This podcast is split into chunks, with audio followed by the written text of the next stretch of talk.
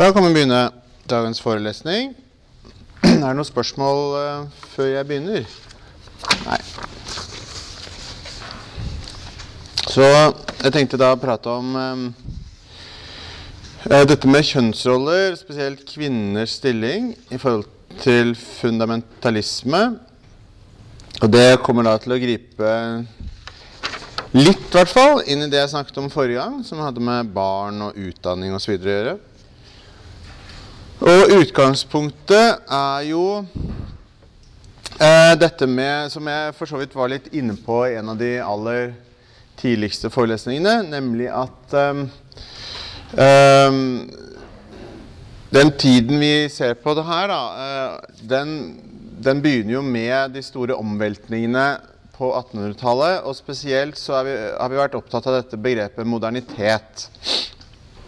Og det er jo på det rene at alle de forskjellige prosessene og endringene som vi inkluderer i dette ganske vide og diffuse begrepet modernitet, de, mange av dem hadde veldig mye å si for kjønnsroller eh, og for hvordan man eh, oppfattet menn og kvinners eh, ja, posisjon i, i, forhold til hverandre, i forhold til familien, i forhold til samfunnet.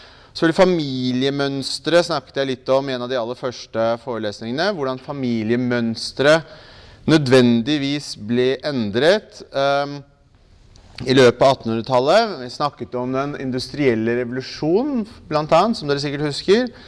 Som vi gjerne legger til begynnelsen, vi legger gjerne begynnelsen av den industrielle revolusjon til de første tiårene på 1800-tallet. Uh, og når man kommer fram til midten og slutten av 1800-tallet så, så, skjer det jo veldig store ting. Eh, selvfølgelig først i, i, England, men etter hvert også i veldig store deler av Europa og Nord-Amerika. USA spesielt, som vi er opptatt av her. Eh, som har med industrialisering å gjøre, først og fremst. Eh, men som også da medfører veldig store endringer i hvordan folk lever. Urbanisering hadde jeg som et stikkord. Eh, dette med at man måtte organisere tiden sin annerledes. Um, og som jeg også snakket litt om, overgangen fra storfamilier etter hvert til, til det vi snakker om som kjernefamilier. Um, og selvfølgelig etter hvert, som jeg skal komme så vidt inn på, dette med moderne kapitalismen um, og dens uh, behov for arbeidskraft, og selvfølgelig det presset på, eh, også på kvinner da, eh, til, å, til, å, delta eh, som økonomisk eh, produktive personer da, i moderne samfunn. Eh, så det er mye av bakgrunnen for det jeg skal si i dag. Eh, I tillegg så er det noe som jeg syns er greit å nevne når vi snakker om et, altså, dette er et komparativt emne, hvor vi sammenligner prosesser og fenomener i forskjellige religioner, forskjellige tradisjoner. Og da er det, syns jeg det er veldig lurt å minne seg selv på på, um, på det at um, våre oppfatninger om hva som er offentlig liv, og hva som er den private sfære, de tar vi veldig ofte for gitt.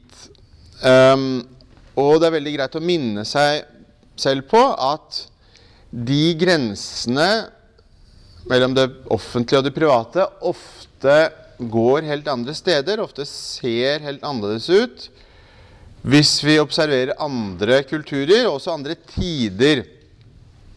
Og det tror jeg ligger bak en god del av de Eh, konfliktene og problemene som har eh, vært rundt dette med religiøse symboler i den senere tiden.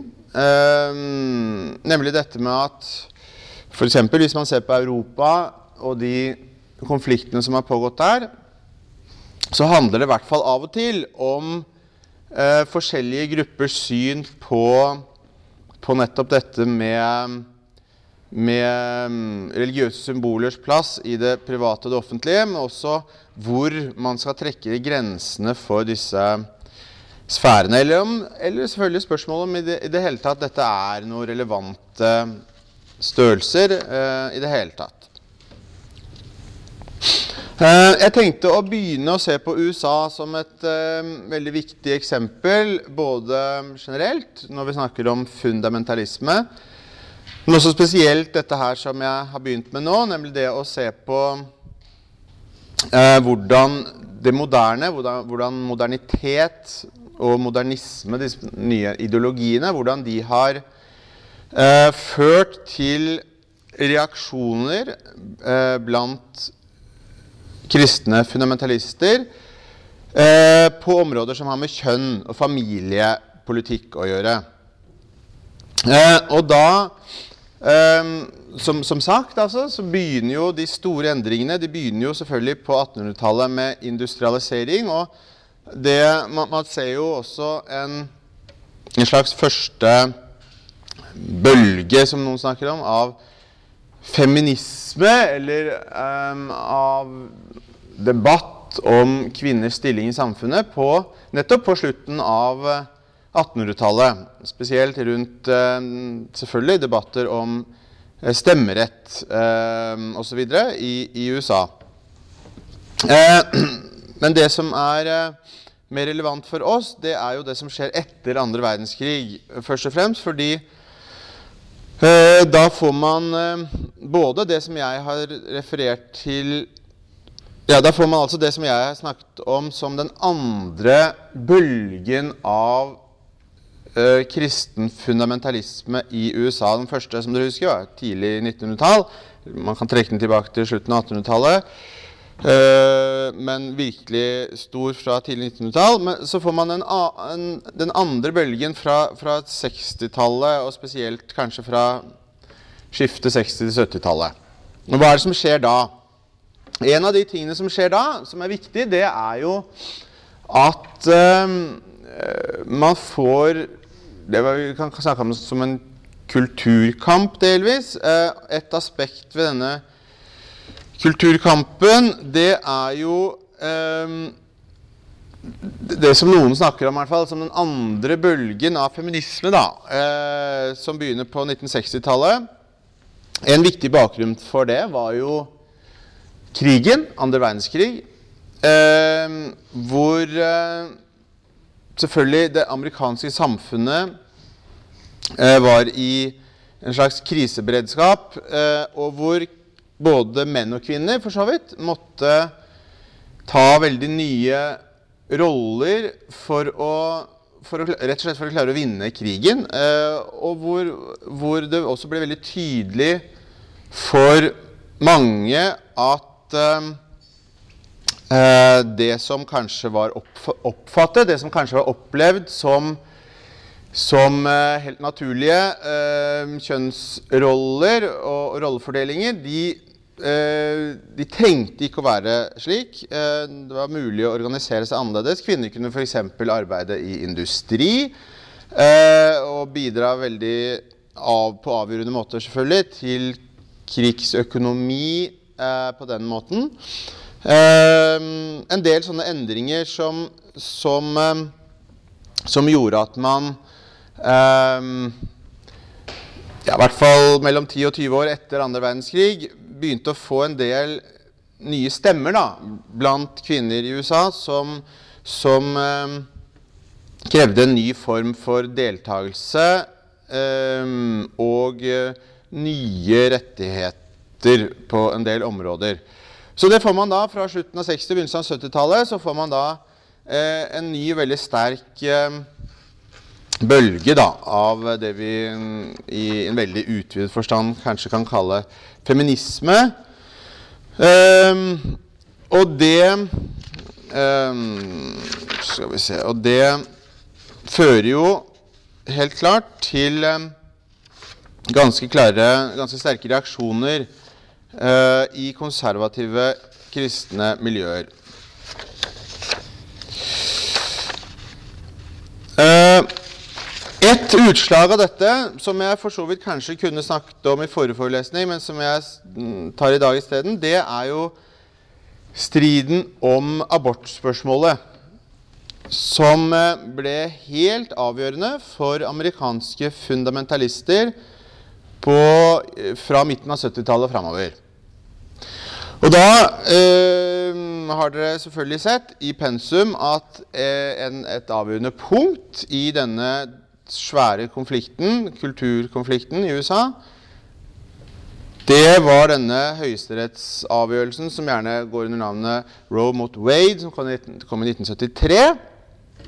Hvor eh, amerikansk høyesterett, hvor USAs høyesterett avgjorde at um, For å gjøre det veldig enkelt, da, avgjorde at uh, delstater ikke kunne ikke kunne forby abort. Altså, det er mer komplekst enn det, og det har vært mange avgjørelser eh, Eller det har vært mye, mange rettsrunder om dette senere òg. Eh, så det har blitt nyansert på forskjellige måter. Men for å gjøre det enkelt så ble det da kjent eh, grunnlovsstridig å, å forby abort på generelt grunnlag i USA. Eh, og eh, flere av de store protestantiske fundamentalistene som kommer på scenen eh, på denne tiden, de nevner jo nettopp denne avgjørelsen som helt sentral for deres egen motivasjon for å kaste seg inn i politikken. Så, så, den, så, dette med Roe mot Wade i, utvidet forstand, alt som skjedde rundt dette eh, på midten av 70-tallet, det var veldig viktig for amerikansk fundamentalisme. Og som dere selvfølgelig vet, så har det også som pågått eh, i, i langt, altså fra denne tiden eh, en, en, mer generell konflikt mellom, mellom eh, det man gjerne kaller pro-life og pro-choice-sidene i, i, denne, i, denne, konflikten om, eh, om tilgjengelighet til, til abort osv. Så, videre. så Så det er jo helt avgjørende viktig for å forstå synet på, på kvinners rettigheter i forhold til eh, fundamentalisme i USA. Um, for å Ja, på litt mer generelt nivå, hva er det Hva er det, hva er det amerikanske fundamentalister er opptatt av? Selvfølgelig det er de spesifikke rettssakene, de spesifikke temaene, som nevnt, abort f.eks. Men på, hvis vi går litt mer på generelt nivå, hva er det som er problemet som fundamentalister i USA da eh, påpeker, og som de mener eh, rettferdiggjør, nødvendiggjør eh, det å, å, jobbe politisk for å endre samfunnet. Og Da er det et par stikkord som jeg tror det er spesielt viktig å få med seg, eh, som også selvfølgelig dere leser om i pensum. og det, det ene stikkordet det er dette med autoritet. Det tror jeg er, eller det er jeg ganske sikker på, er viktig både for å forstå amerikansk fundamentalisme, men også, som jeg kommer tilbake til, andre fundamentalismer i andre kulturer. Eh, og det jeg understreker i noe av det dere leser, og som jeg vil si litt om nå, det er jo denne, eh, denne oppfatningen blant kristne fundamentalister i USA om autoritet som noe gudegitt. Eh, og ofte også denne, denne tendensen til å, til å, se på autoritet på forskjellige nivåer som noe gudegitt. I, i den forstand at eh, Gud eh, har gitt mennesker autoritet eh, i verden til å, til å, være herskere på jorda. Eh, selvfølgelig, på, på, et høyere nivå så har Gud eh, autoritet over universet osv. Men på et mikronivå så, har, så er det også autoritet som er gudgitt. ikke sant? Og mikronivået som er relevant her, det er familien. Eh, og når man leser eh, publikasjoner, artikler osv. av amerikanske fundamentalister som, som, snakker om familieforhold, så skinner dette veldig ofte gjennom, eller det sies veldig eksplisitt for så vidt òg, at eh, autoriteten på dette mikronivået i familien er et slags speilbilde av den autoriteten som eksisterer på, på dette makronivået, hvor selvfølgelig Gud er, er øverst. Um, og For å understreke det så er det noen korte sitater uh, i, i, uh, i, noe av pensumet vårt. Uh, F.eks. en pastor som, som sier sitat, When God established authority, he included that of, that of the home. God made man and woman for specific functions.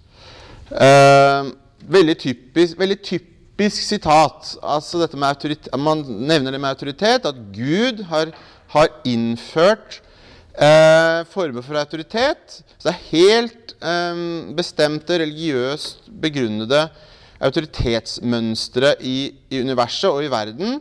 Og konsekvensene av Altså For det første så, så oppfatter man jo da at eh, et, hovedkonsekvens, et hovedaspekt ved modernitet, og, og, spesielt modernisme, for å understreke det, det er jo at disse autoritetsstrukturene setter spørsmål ved, og at de relativiseres, og at de undergraves. Og nå, nå skilte jeg, som dere hørte, litt mellom modernitet og modernisme. Og bare minne dere på det ikke sant? om at modernitet er alle disse svære prosessene med økonomiske, teknologiske osv., mens modernisme er disse ideologiske, ideologiske eh, strømningene. Hvorav feminisme da her kanskje er spesielt relevant eh, moderne ideologi, ideologi. ikke sant? Men poenget er altså at den, den klassiske eh, kristne, kristenfundamentalistiske oppfatningen av det moderne, den moderne verden, det er jo at den nettopp undergraver disse autoritetsstrukturene eh, med det resultat eh, at samfunnet eh, plages av eh, kriminalitet, typisk, narkotikamisbruk, at altså, ungdomsopprør mot foreldregenerasjonen Typiske symptomer på, eller uttrykk for, denne, dette sammenbrudd i autoritet som, som, disse miljøene er veldig opptatt av. Eh, en god, veldig viktig og god illustrasjon på dette verdenssynet som som det skrives uh, litt om i pensum, det er jo denne uh, veldig interessante og veldig innflytelsesrike fundamentalisten og familiepsykologen uh, James Dobson, som har hatt en usedvanlig viktig innvirkning på mange amerikanske fundamentalisters syn på ikke bare det med kvinner og menn, altså familie, men også spesielt det med barn, barneoppdragelse. For også der er selvfølgelig autoritet selvfølgelig helt uh, et avgjørende begrep. Et annet avgjørende begrep uh, er jo dette med lydighet, uh, som også oppfattes som, som en, en, en, en, nødvendig egenskap, nødvendig dyd, eller på mange måter noe som går sammen med autoritet. fordi uten lydighet så så blir jo autoritet eh, eh, meningsløst. Eh, så, så, når man leser amerikansk fundamentalistisk litteratur da, om familien, så er nettopp dette med lydighet også avgjørende viktig. Det at barn er lydige overfor foreldrene. Kanskje i mindre grad, men også av og til at kvinner har en slags lydighet overfor mannen som leder. Og at dette at dette i en forstand blir, blir et tegn på at man som menneskesamfunn er lydig eh, overfor, overfor Gud. Eh, og typiske, mm, typiske, sitater. En pastor som sier sitat, 'Obedience and honor are two important words that apply not only to family, but to every area of life'. Og igjen så er det dette med sant, obedience and honor som trekkes fram som religiøse verdier, som selvfølgelig undergraves av det moderne.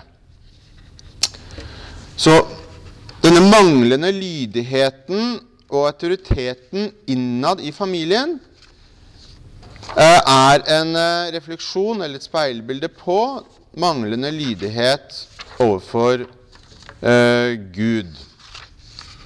Så det er, det er for å for, Jeg tror det oppsummerer noe av det avgjørende for eh, kristen fundamentalisme eh, når det gjelder synet på familie og, og kjønnsroller, da.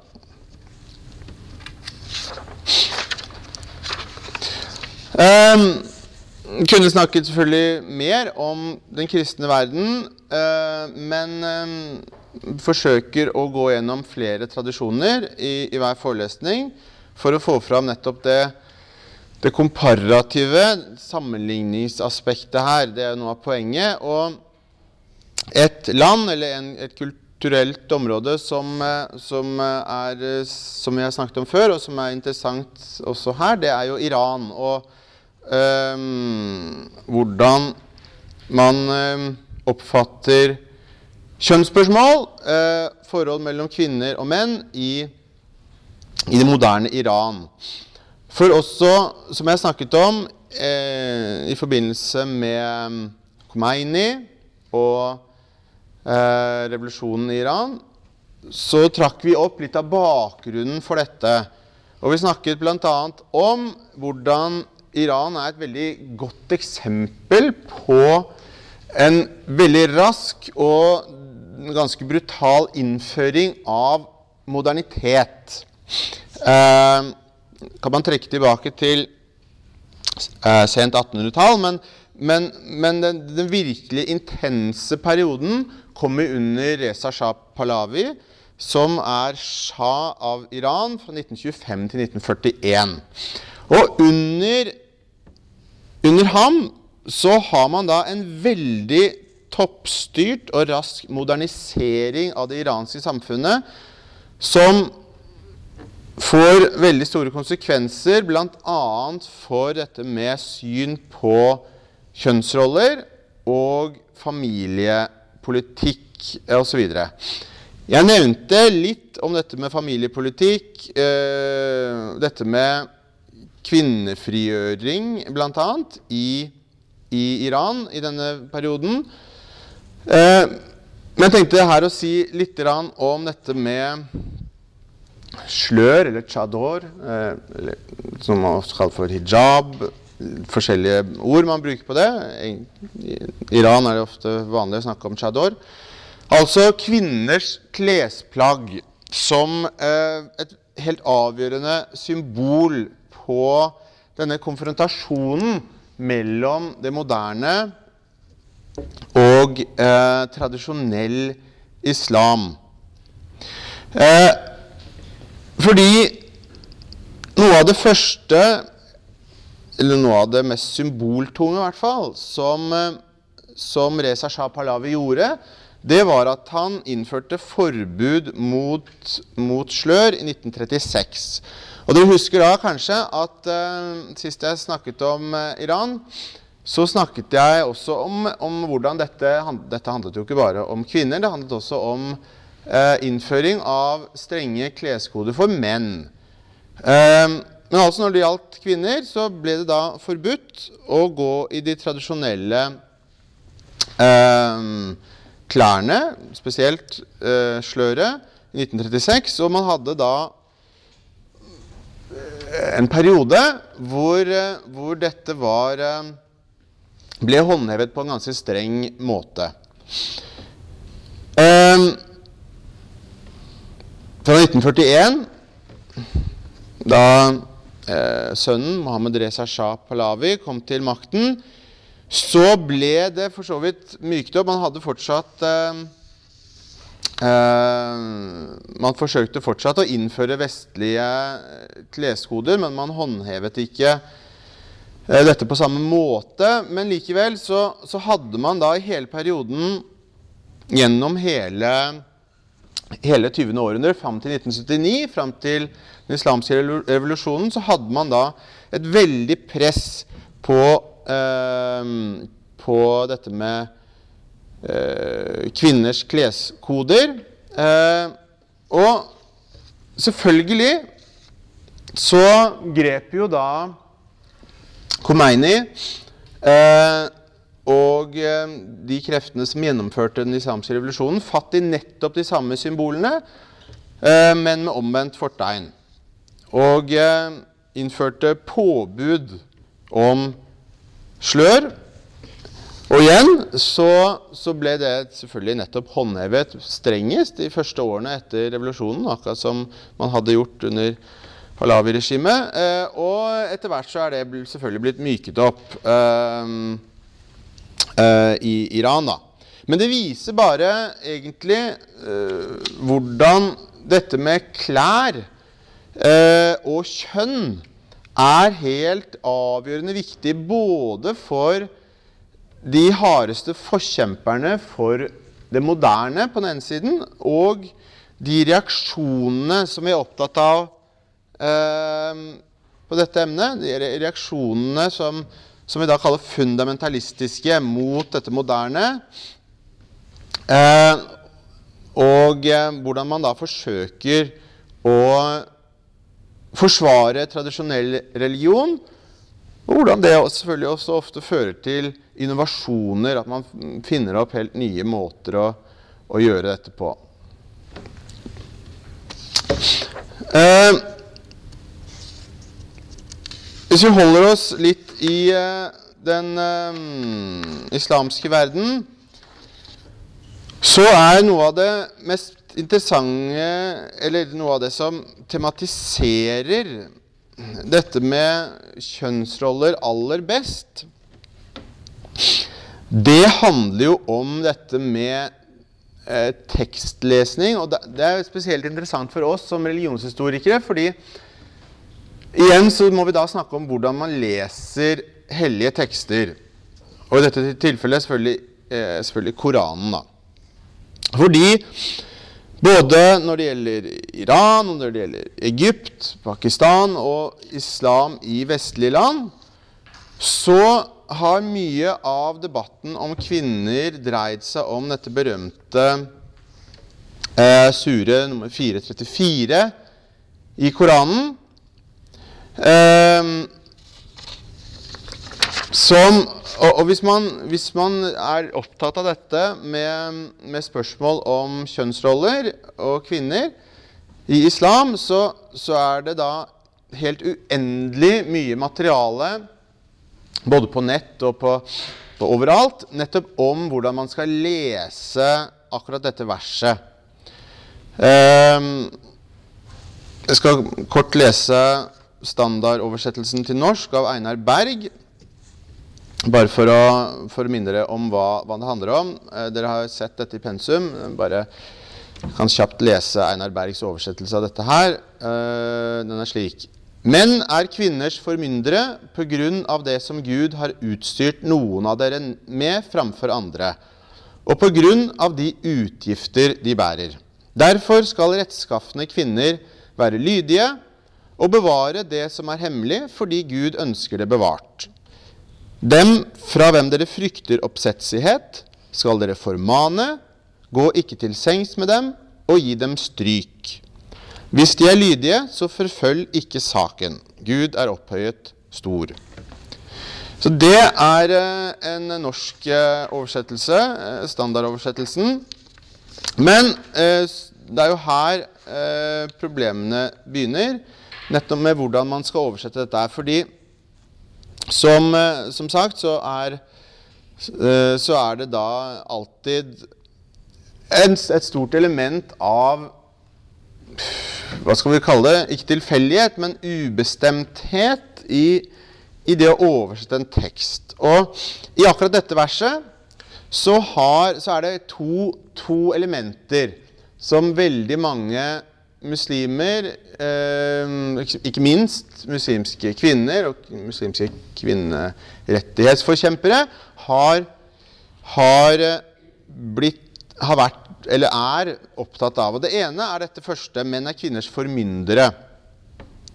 Eh, det eh, er et Her er det da jeg, jeg mm, kan ikke koranarabisk på noen vis, det hele tatt, så, så, jeg aner ikke egentlig de filologiske um, argumentene. Men her er det altså brukt ord på arabisk som kan oversettes på en rekke andre måter.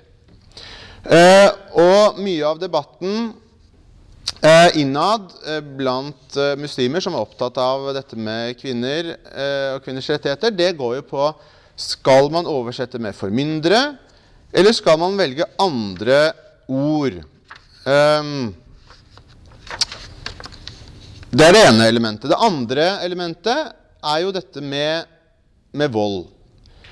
Som jeg sa, så, så oversetter Berg um, siste delen av siste setningen her uh, Gi dem stryk. Og her, hvis man går inn på nettsteder uh, Både norske muslimske nettsteder og, og utenlandske, internasjonale, så er det da veldig mye debatt om, om denne oversettelsen. Står det egentlig at menn skal slå kvinner? Eh, hva, hva, er det egentlig som står her? Eh, men selvfølgelig for oss som står utenfor eh, og observerer dette her, ikke som innsidere, men som, som, som, som studenter da, og forskere, så er jo nettopp disse debattene det er de som er interessante, og hvordan man bruker tradisjonen, tolker den på forskjellige måter, og hvordan selvfølgelig disse ordene blir forferdelig viktig eh, i den type internpolitikk, den type refortolkning av tradisjon. Um, og selvfølgelig også det, det, det faktum at um, vi, vi, må jo se at de som er med i denne debatten, på alle sider, de tillegger jo selvfølgelig også teksten en, en veldig stor autoritet. Uh, og det, det, er jo også selvfølgelig um, Selvfølgelig mange som vil si at dette er en uinteressant debatt, fordi uh, hva som står i Koranen, er ikke nødvendigvis det som er viktig, osv. Så, videre. så dette, det, her er det masse forskjellige posisjoner. Og, og, og mye av dagens debatt i islam foregår altså rundt nettopp dette verset. Og sånn uh, har det vært ganske lenge. Hvis vi, på, hvis vi, nå går fra Iran til Pakistan og bare ser litt på en av våre hovedtenkere, hovedforfattere, i, i dette emnet, nemlig uh, Maulana Maududi, så var jo også han veldig opptatt av denne suren, denne, dette verset, vers 434 i Koranen, og eh, diskuterte dette her da han oversatte Koranen. Så så fant han det nødvendig å nettopp diskutere hva, hva disse uttrykkene faktisk betydde. Eh, eh, og, og, det er jo Det er for så vidt interessant på flere nivåer, men eh, det viktigste Eller det, det jeg eh, syns er viktig å understreke når det gjelder Maudodis syn på nettopp dette verset, det er jo hvordan han Eh, hvordan han um, igjen uh, står med et ben et ben i liksom, tradisjonell islam med sin utdanning, og et annet ben i en moderne verden hvor det er selvfølgelig et press og en forventning om at man tar tydelig stilling til eh, spørsmål som har med med rettigheter å gjøre, spørsmål som har med vold å gjøre. Altså, man har en forventning om at dette med familievold selvfølgelig er, er eh, uakseptabelt, eh, og det styrer deler av hans tenkning om, om dette her. Men eh, generelt så var jo Maududi eh, veldig skeptisk til, til eh, Og her er han typ, for så vidt typisk, da. eh, Typisk representant for for uh, uh, islamsk fundamentalisme Uh, veldig skeptisk til den som han sier selv, den sataniske syndflod av kvinnelig frihet som er oppstått i Vesten, og som da nærmest brukes aktivt for å undergrave islams verdier.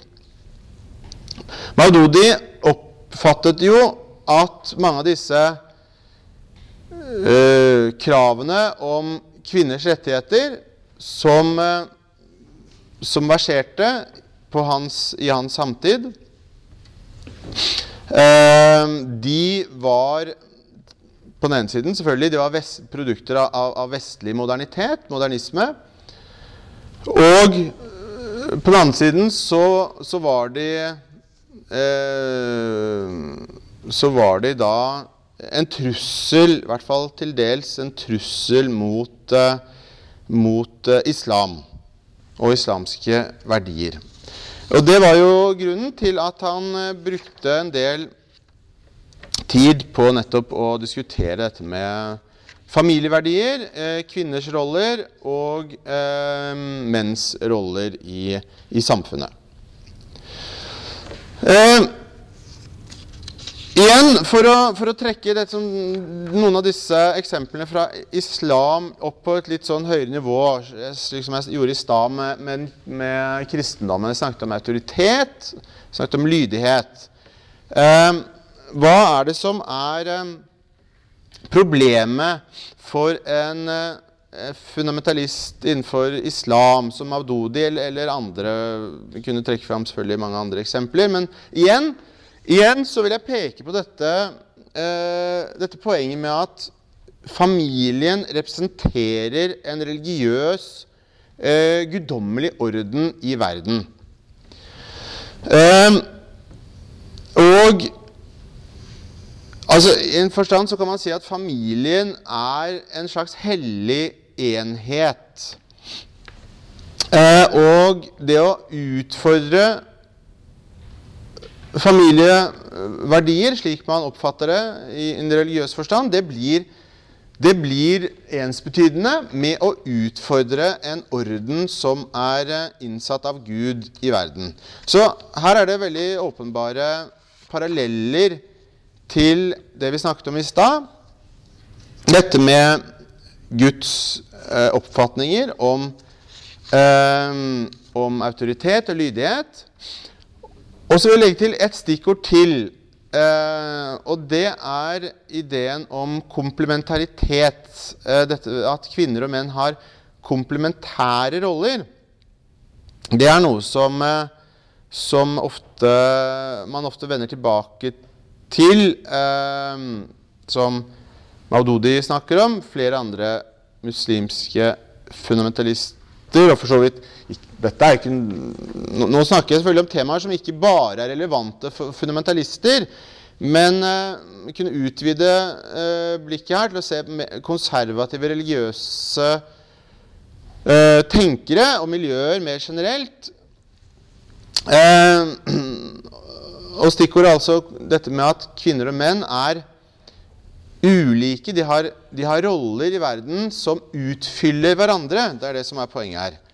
Uh, og for, altså, derfra, fra det utgangspunktet, dette med at man er ulik bygd opp, psykologisk og fysiologisk, mener man, det innebærer uh, forskjellige roller. Uh, og så trekker man da konklusjoner fra dette som da selvfølgelig blir veldig annerledes enn det man gjør hvis man hvis man eh, er mer opptatt i eh, liberale, moderne eh, verdensbilder. Da. Og ja, noe, noe, av det interessante syns jeg, altså, når man leser litteratur om fundamentalisme og kjønnsroller i forskjellige religioner, det er jo å observere dette med at eh, på ett nivå, på et abstrakt nivå, så er jo så er jo fundamentalister og liberale, for, for, å gjøre kategoriene litt sånn grove og enkle, så er jo fundamentalister og liberale helt enige om at man skal ha eh, rettferdighet og likhet. Man er enige om disse store begrepene. Selvfølgelig må det herske rettferdighet eh, i hvordan man innretter samfunnet for kvinner og menn. Det er ikke det man er uenig om.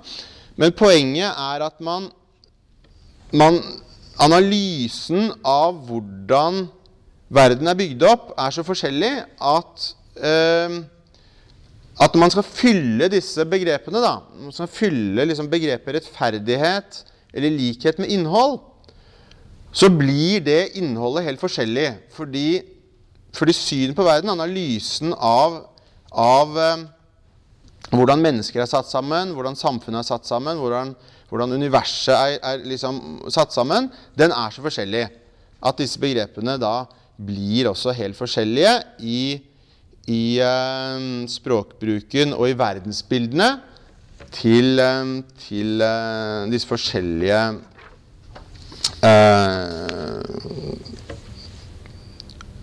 ja, ideologiske gruppene, eller strømningene, for å si det, for å si det på den måten. Så ja, så det tror jeg er et viktig poeng.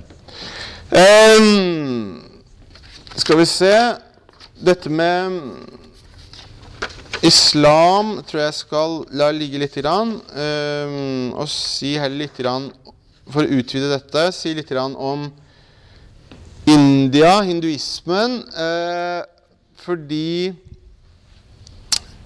forrige, I forrige forelesning så husker dere kanskje at jeg nevnte dette med skolebøker og konflikter om hvordan hinduismen framstilles i skoler, både selvfølgelig i India, men også i andre land. Jeg nevnte USA som et eksempel. Eh, og av, et av punktene som hindufundamentalister er opptatt av, det er jo nettopp dette med kjønnsroller. Fordi Eh, man har opplevd, og opplever selvfølgelig fortsatt, at hinduismen ofte utsettes for kritikk. Eh, samme kunne man si om islam, selvfølgelig. At den ofte utsettes for kritikk eh, når det gjelder synet på kvinner. Og Derfor så er disse hindufundamentalistene veldig opptatt av å nettopp eh, bekjempe det de mener er fordommer og vrangforestillinger da, om hinduismen og kvinners stilling i hinduismen. Og For å forstå det, altså denne kampen da, som føres av hinduiske fundamentalister, så må man igjen gå tilbake til, eh, til hinduismens møte med moderniteten. Og den finner jo først og fremst sted gjennom kolonisering i kolonitiden eh, i britisk tid i India. Eh, og det som, eh, det som er eh, viktig å peke på da, det var jo at allerede i britisk tid på, snakker vi om allerede tidlig 1800-tall, for så vidt også sent 1700-tall, så oppsto det debatter eh, om kvinners stilling i hinduismen. Bl.a. motivert av britenes syn på dette med som vi kaller sati, altså enkebrenning. Dette med at, eh, Jeg tror jeg har nevnt dette i en tidligere forelesning, men den praksisen eh, blant noen miljøer av høykaste hinduer om at eh, kvinner eh, lar seg eh, brenne på kremasjonsbålet til sin eh, mann. Men også andre ting. En annen veldig viktig foranledning for disse debattene, det det var jo praksiser med, med barnebryllup Altså det, det, at jenter blir giftet bort mens de ennå er barn. Da. Så en del, en del, viktige temaer som gjorde at dette ble, dette ble store diskusjoner eh, i India om dette om kvinner og hinduisme. Eh, og det man eh, Selvfølgelig oppsto det også mange stemmer og krefter i, innenfor hinduismen som ønsket å endre, reformere kvinners plass i, i, uh, i India. Og oppfattet det som, uh, som avgjørende for, for liksom fremskritt. Fremskritt, var, fremskritt, rasjonalitet var store ideer, eh, spesielt på slutten av 1800-tallet. Eh, og en person som jeg har nevnt før, som var sentral i dette, her, det var Ramohan Roy, som var for så vidt litt tidligere aktiv på tidlig 1800-tall. 1820-tallet framover. Han var veldig aktiv i kampen mot det, mot liksom høykaste hinduidealer.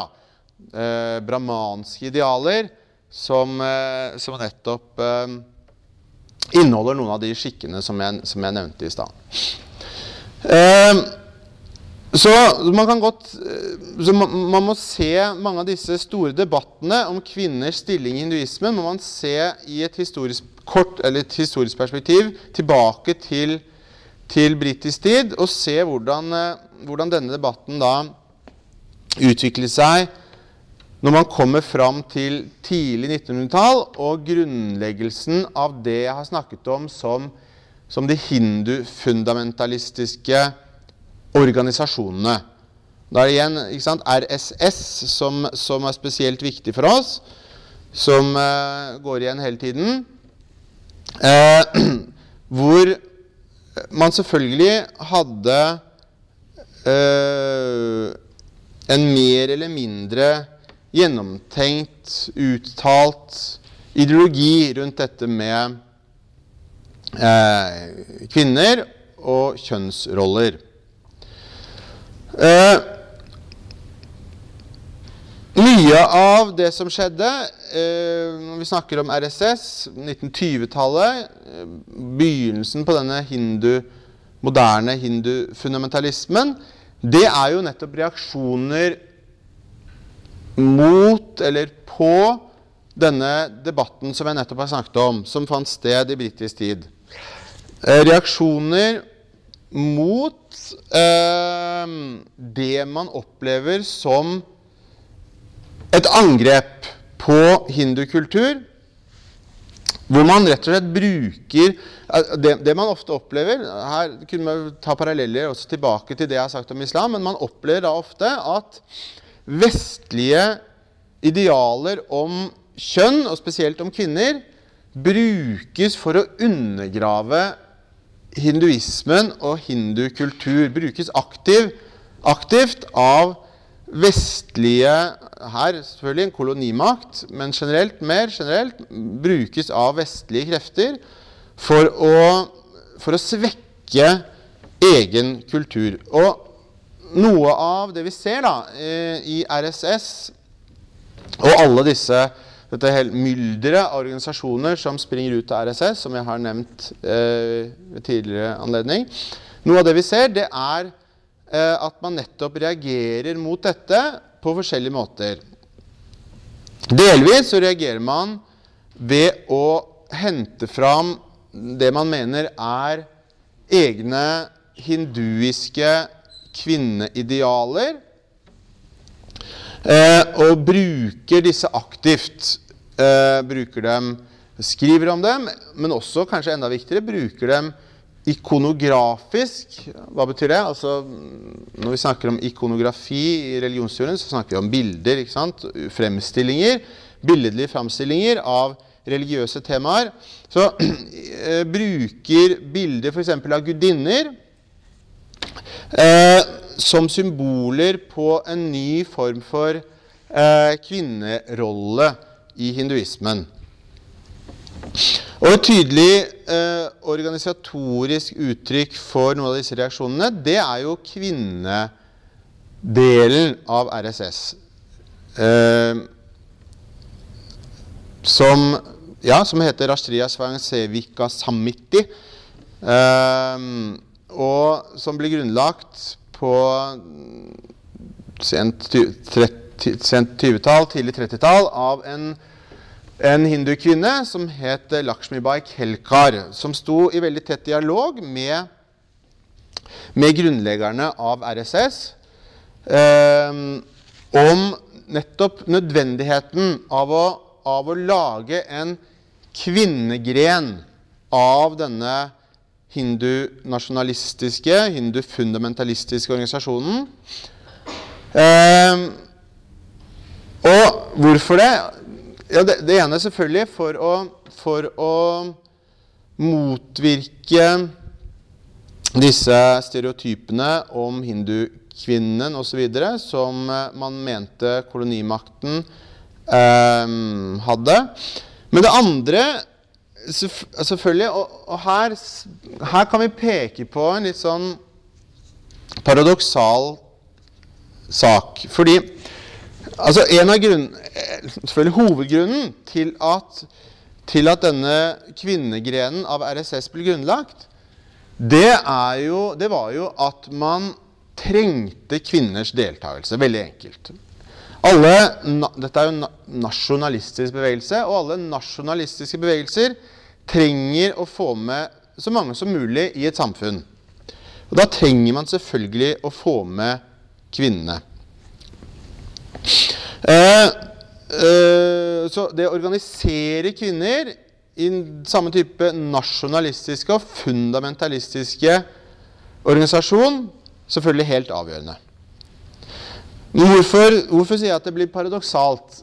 Det, ikke nødvendigvis, det trenger ikke nødvendigvis å bli det, men i visse tilfeller gjør det det fordi at noen av de verdiene man ønsker å formidle i denne bevegelsen, de er jo veldig konservative.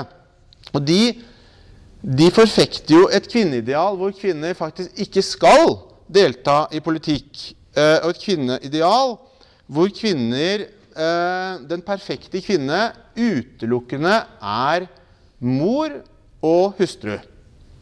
Så denne, altså det jeg snakker om da som høykaste hinduiske kvinneidealer, hvor kvinnen er mor eh, og hustru og holder seg innenfor hjemmet og skaper et hjem og ikke beveger seg ut i politikk og samfunn, det er jo da idealer som på en eller annen subtil måte formidles av denne politiske bevegelsen. Eh, og det er det jeg mener med at det kan bli eh, paradoksalt eh, på, annen, ja, på, på, et visst nivå, da i hvert fall.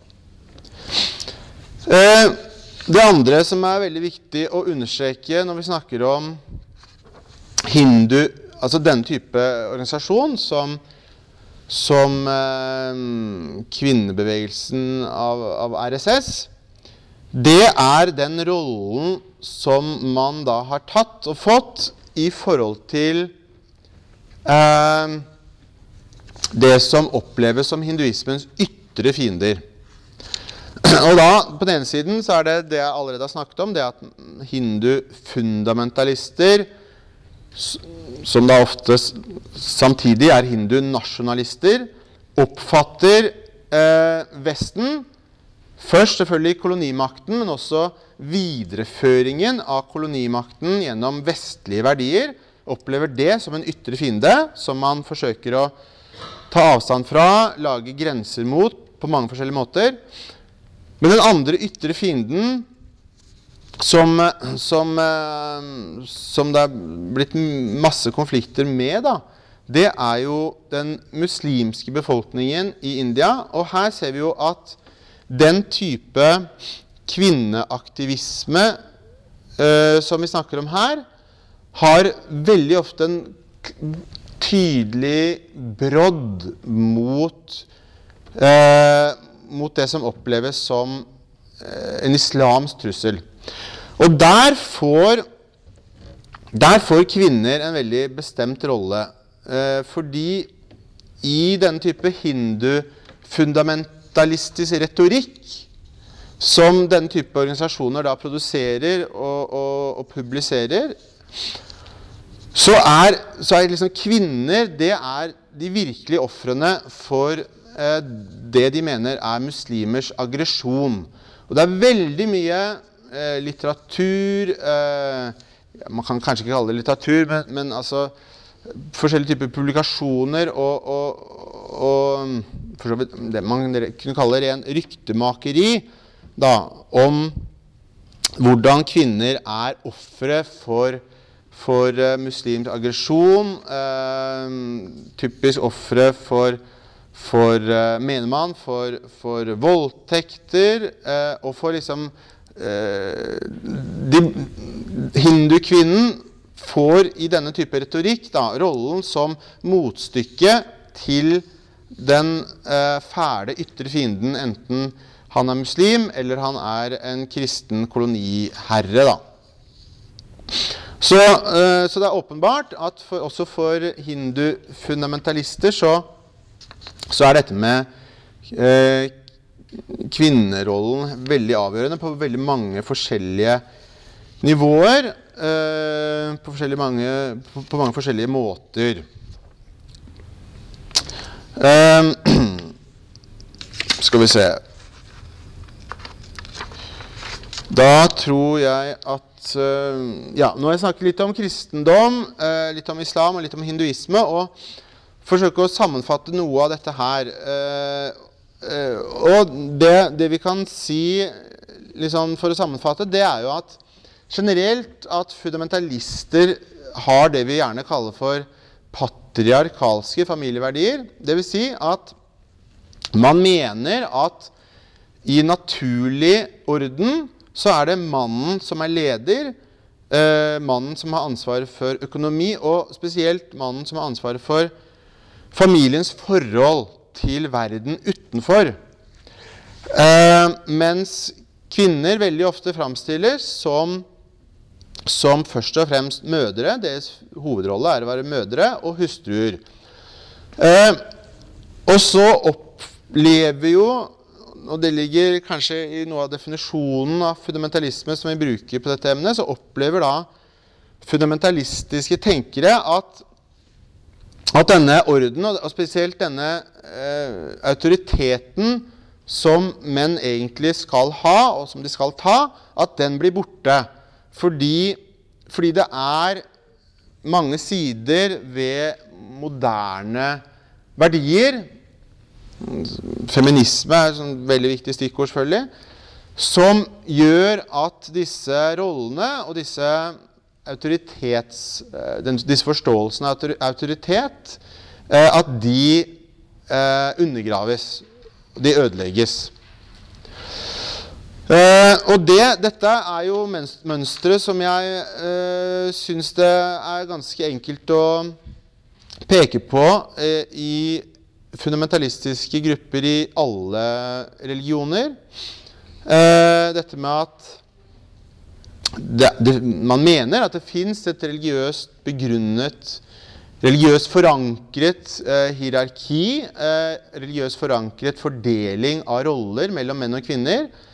Eh, og jeg snakket altså om, om dette stikkordene autoritet, lydighet og til dels også hierarki. Men autoritet og lydighet eh, tror jeg er stikkord som vi kan eh, eh, Som passer i, i, alle disse tilfellene som jeg snakket om her. Um, så jeg tror det er um, tror det er nok for i dag. Og igjen så, så ligger jo denne powerpointen uh, på, på fronter. Uh, og Uh, selvfølgelig podkasten også etter hvert. Uh, så kan dere for så vidt uh, så kan dere bruke den som dere vil. Men som dere ser, så har jeg da gitt opp å, å forsøke å få powerpointene opp på, på, skjermen her. Er det noen spørsmål til det jeg har sagt i dag? Ja?